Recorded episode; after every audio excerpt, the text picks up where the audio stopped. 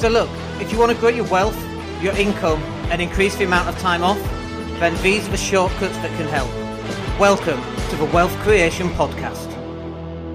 And welcome everybody, it's Dan. Hope you're well today and welcome to the Business Growth Show. So let's talk about website design 2024. Here we go. Uh, very, very important right now because I think 2024 is going to be another difficult year. 2023 was definitely difficult. Uh, for us, we did all right actually. Um, our digital marketing agency went up like 20% on revenues. Obviously, we're not going to argue with that. Very happy. Um, but I think part of the reason for that is a lot of people are struggling. So they're coming to us because asking for help with their digital marketing or they need a new website or their old website is really out of date. And so that needs redoing effectively. And we certainly in November, we had a massive rush of people wanting to get their websites done. A lot of them we got done before Christmas, which was really cool. And some of them spilled over into this year and we're just closing those off uh, right now. But it was very interesting to see the number of people starting up side hustles They need a website, starting property sourcing, rent to rent, anything really, just to generate some more income. And I, I, you know, obviously we understand why that is, given our you know situation financially with uh, the UK right now. It's all a bit of a mess, isn't it? So uh, I figured what would be really useful is to help people understand what their website needs. And if their website's not converting or it's not getting traffic, uh, what you can actually do to improve on that. So then uh, hopefully effectively that's going to help you earn a little bit of extra cash. So number one, straight off the bat then, in terms of uh, essential elements that your website needs is it has to have easy navigation.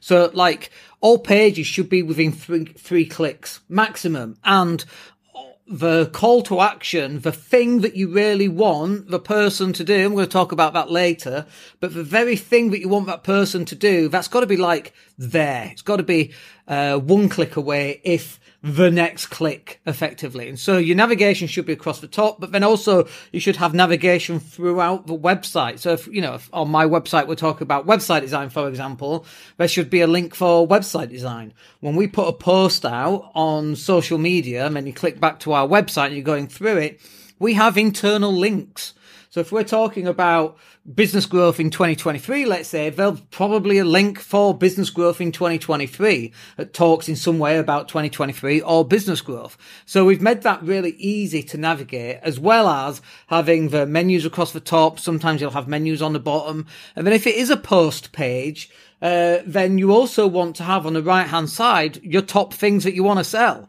So for example, uh, we could probably show you my website actually, and that'll give you a really good idea as to what that might look like. Uh, so on ours, let's just go to this here, share second screen, um, transition that. There we go. This is ours. Okay. So on here, for example, we've got all the menus across the top. That's fine. I actually do. I don't think we have them at the bottom on mine. Oh no, we do have the bottom on mine. Look at that. There you go. There's all our stuff there as well. Um, but also on latest news, latest content, on one of these here, uh, there's a thumbnail missing there, but that's fine. This one here, talk about service accommodation. Here on the right hand side, you can actually see, you know, needs an experienced marketing team, website design, Facebook ads, sell our services, make some money. That's our affiliate program, get our £27 property sourcing training, and so on. Again, this should really form part of your navigation um, on your website because you want people to be able to click through to the things that you want them to click through to. And, you know, we see so many websites and it's actually really hard to even find where you should be on people's websites. Where is all the important information? And people really kind of struggle with that, uh, to be perfectly honest. And then the next important thing, of course, is that your website, especially in 2024, it has to be mobile friendly. And so when we create the website, we usually create for the desktop first, and then we'll create it for the mobile as well, because over 50% of websites are looked at using a mobile device. And it's the same for my website. Our website, I think it's like 55% of our website visitors are on a mobile device. So it has to be mobile friendly. And if it's not mobile friendly because it's out of date, then you need to be uh, redoing your website. And also, it's quite an interesting question, isn't it? Like, when was the last time you even checked your website on your mobile device? Like, most people don't do that. They go to a desktop or a laptop or uh, whatever um, uh, format you're actually used to using. Like I can't do anything unless I'm on a two screen desktop, right? So I go to a two screen desktop. I have my laptop for when I'm in the UK or, you know, in a hotel. And then if I'm on a train or, you know, I'm in the back of a taxi, I've got my mobile phone device. So we can, we can check uh, our sites there. But other people, they are just mobile um, phone orientated. So they will only look at a website on a mobile phone. They won't look at it on a laptop here's my laptop, so I keep pointing at it. They won't look at it on a laptop, They just look at it on a phone. Look at the size differences on screens here. Huge size differences. And then other people, old school dinosaurs like me, turns out, now I'm 51, uh, they'll use a, a desktop, big screen, sometimes double or triple screen. So you've got to uh, cater to every sort of person that's going to potentially see your website. And if your website only works on the desktop, then you're going to have a problem. And then the other side here is that how many times have you been onto a website and you've noticed, hmm, there's no recent content? Are these guys even alive? Do they even exist? Is the website out of date? Like, I've been on a website and the last post was like 2017. And you're like, I don't even know if this company's still in existence. Then you have to go to a Companies House and see if they've, you know, given any accounts in. And then maybe you'll phone them up or whatever. Uh, yeah, I'm just checking. Are you still alive? And then obviously they don't answer you know, because who answers the phone in 2024? right? So then you're like, you're going against completely against the grain as to what your website should do. Your website should be there to give you some positivity and some positive reinforcement that this company not only is still in existence, but they're actually keen to help you. And the fact that you have to go through all of this just to find out that they still exist is ridiculous. And the second part of recent content is that if they've got recent content on their website, then, um, and you've got recent content on your website, more importantly, there's a greater chance that you're probably posting that content out to social media, which is going to get you some backlinks right? So obviously backlinks is really, really important. It's one of the most important things. I spend, uh, certainly spend a proportion of my day thinking about backlinks, which we're going to talk about in SEO optimization, uh, number five. But uh, you've got to be posting out content. You will get some backlinks and then you get some visitors and Google loves all that stuff. Uh, so that's another reason why you need uh, recent content. And also, if you've got recent content going out, um, the fact that it's then being posted out onto Facebook and Twitter and LinkedIn and YouTube and Instagram and TikTok and all these other channels, uh, that means again that you actually do exist. Like no one could say that we don't exist because we post four videos a day. We usually go live every day. We have a podcast every day. We have all this content going out and that's not even including our normal, um, normal images and copy that goes out. You know, we post 10 times a day across various social media platforms. So everybody knows we exist. Uh, there's no question that we don't exist. Uh, the only thing that kind of bothers me about that, by the way, and I have to say this because uh, it does actually bother me, is I have this worry in my life. You know, I'm on the Ryanair flight going back to England, and the plane goes down, and I die, and then my content is going out, and people are like, "I thought he died." Uh, so it kind of worries me a little bit that you know if anything ever happened to me, my content will still be going out. God damn it! Uh, we we did a live uh, while I was in um, I was on the aeroplane and we did a live stream on the aeroplane because it was a pre-recorded video that we then live streamed and it was actually several put together because we just wanted to test something. Um, but I was like, you know, if his plane goes down, I'm like, he can't be dead. He's on, he's on that plane. Oh no, that was the plane. Um, it's kind of something that bothers me. But you should be having content going out on a, a, a regular basis, at least a daily basis. And then, of course, you want an About Us uh, page, and you're About Us, us, really. And I say this, by the way, and I'm actually a bit of a hypocrite. And uh, looking at my website, I haven't actually got an About Us uh, page, but we do talk about it quite a bit anyway. So, um, uh, and usually at the bottom of uh, most of our um, pages, it is something about me. Uh, and so if you're on the website, they kind of know. But a lot of people, they want to know who you are and what's your motivation and why you're doing it and what's your mission statement and all that stuff. What are your goals? What are you really there to help? uh, sorry, what are you really there to do? And obviously for us, that's to help people, isn't it? You know, from our point of view. So the more people we help, the more money we make. It's as simple as that. And it's actually, um, it's actually lined up like that. We don't do this for the money. We do this so we can help people. And a byproduct to helping people with obviously digital marketing or website design is we actually make some money along the way, which is very nice as well. Um, but you should have an about us page because people want to know who are you? Like, what do you do? What makes you so special? What makes you different? And then obviously your website has to be search engine optimized. Like, it's 2024 and you know we keep hearing the death of SEO, the death of search engine optimization, and it's not dying anyway. It's just changing. Like now it's going to more audio. So if you look, you know, if you ask Alexa, I have to say that quietly, otherwise, oh, she's just flashed. Look at that. Uh, she'll talk otherwise, and I don't want her to. But if I if I ask her give me a digital marketing agency in Leeds. I wanted to come up with ours, right? And we're not there yet. We've not even done any work on that, but that's definitely something that we're going to have to work on. Just because uh, if we don't do that, one of our competitors will, will beat us to it. Shall we um, ask Alexa? I, I, I just kind of then ask, really. I don't want it to flash at me. Um, we'll ask once we go off live. Uh, but from a search engine optimization point of view, you need keywords. You need to work out what are your customers going to type on Google to come and find you. And when you know what that is, you need to be embedding them on your website. You need to be creating pages and content around that particular topic. Uh, you want to be getting backlinks. You want to be uh, maybe guest posting, for example. So people go, oh, it doesn't work in 2024. Of course it bloody well does. Um, it just depends if you're shit posting or not, or if you're guest posting. And shit posting is uh, rather different. For me, shit posting is just spamming other people's websites with an inbound link. Like that's not going to work. But actually guest posting for a website that actually gets traffic, now we're talking. That's something else that you should be doing.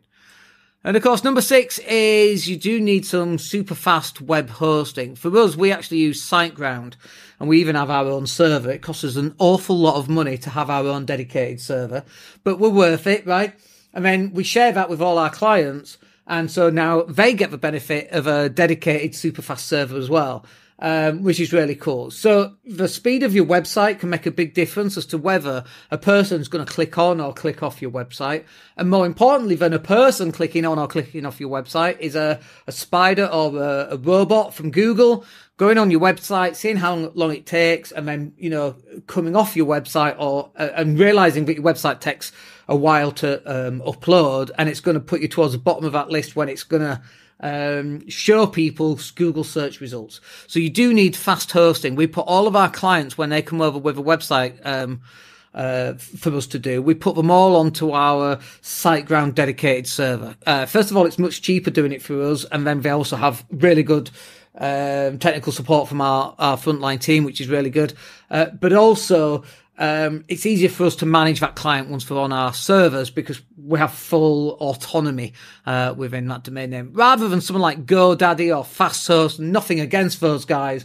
Uh, if you like things being difficult, I suppose that's the nicest way of saying it. Uh, next one, then on your website. One of the essential elements for your website is it has to be easy to make contact. Now, a caveat on this, please. I am a hypocrite and I'm more than happy being a hypocrite I'm a hypocrite because only recently have we put a phone number on there, and oh, I don't really like having phone numbers on.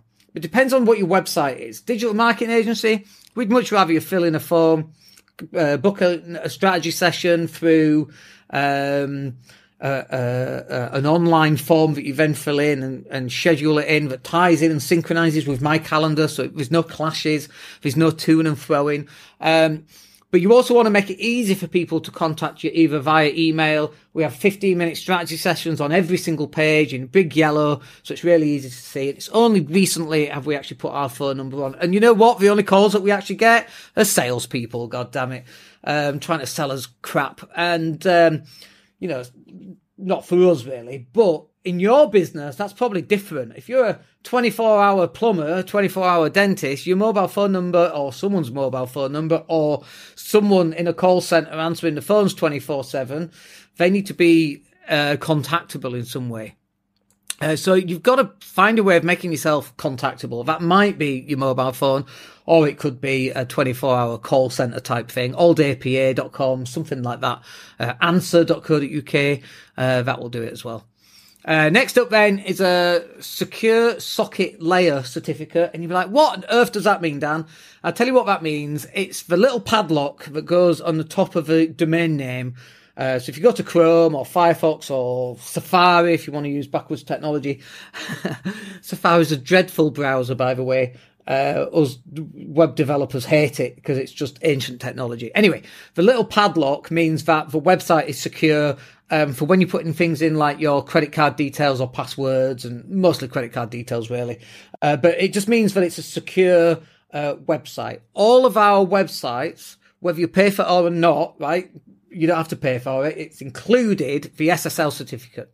You got GoDaddy or any of the other um, other ones Namecheap. you have to probably buy or pay for an SSL cert and then it expires every year and you've got to renew it every year. And we don't do any of that. We just include it with all our websites because it's needed, God damn it. Why would you not include it?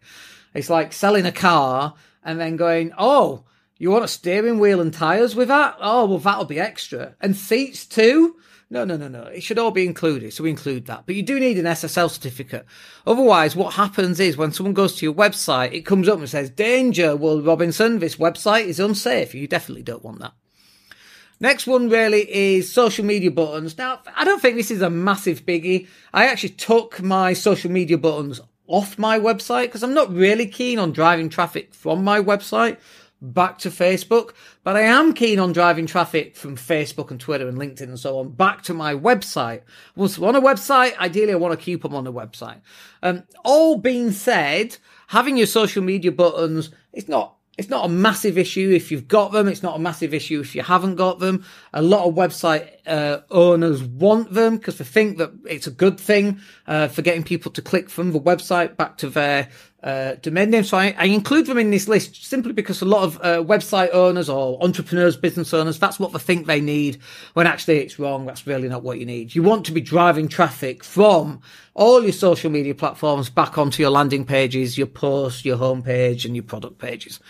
And then finally on here is you've got to have call to actions. Now, I want to caveat this as well because I, you know, and sometimes we're a little bit guilty of this, especially on my own website. So I understand why business owners do it, but if they want a, a button on every section, and it's like, no, stop doing that. Just you having more buttons does not mean an increase in people clicking that button and booking, excuse me, booking a call. That's not how that stuff works, right? We have a call to action at the top. Uh, we probably have two or three maximum per page. Uh, we don't really want any more. In fact, on my posts. Uh, there's one call to action. It's a fairly uh, big one.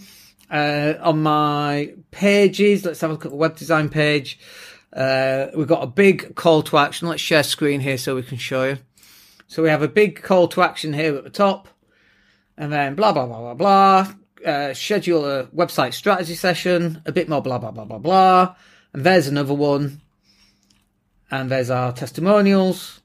There's another one. So actually, yeah, there's another one. Probably a little bit overkill there. These are all the websites that we've done. Uh, not all of them are on there because it would just take forever to load if we uploaded all of them because we've done a lot. Um, and so, yeah, there's more call to actions. Probably most all at the top. By the time people are getting down here, people are not reading this stuff. So you don't really need a call to action down there. But certainly you need enough call to actions um, throughout your website. Uh, but having too many is really not good for you. It's really not a good thing to do. I don't think really. Uh, it can put people off. It's too much like salesy, too much like selling when depends what their intention is. They might be just the research stage, not the buying stage, and then you've put them off. And if they're at the, um, you know, the intention of buying stage, they're going to click these big ones up at the top anyway, right? So, uh, having too many on there, you know, if someone has an intention of filling in that form or, or booking, you know, clicking the button, they've already seen the buttons. They know they can just scroll up. You know, people um, don't just scroll down to the bottom and then incapable of scrolling back up to the top to press the button. So it's overkill, is what I'm saying. You do definitely need call to actions, but having too many on there, uh, I don't think is a is a good idea. Anyway, uh, that's our top 10 essential elements for all your website, uh, that your website needs in 2024. I do hope you found that useful. Uh, we'll catch up with you on the next one, hopefully tomorrow, and we'll speak to you then. Take care. Hey, it's Dan here. Thank you for listening. Really appreciate each and every one of you. Please click like or subscribe to the entire podcast.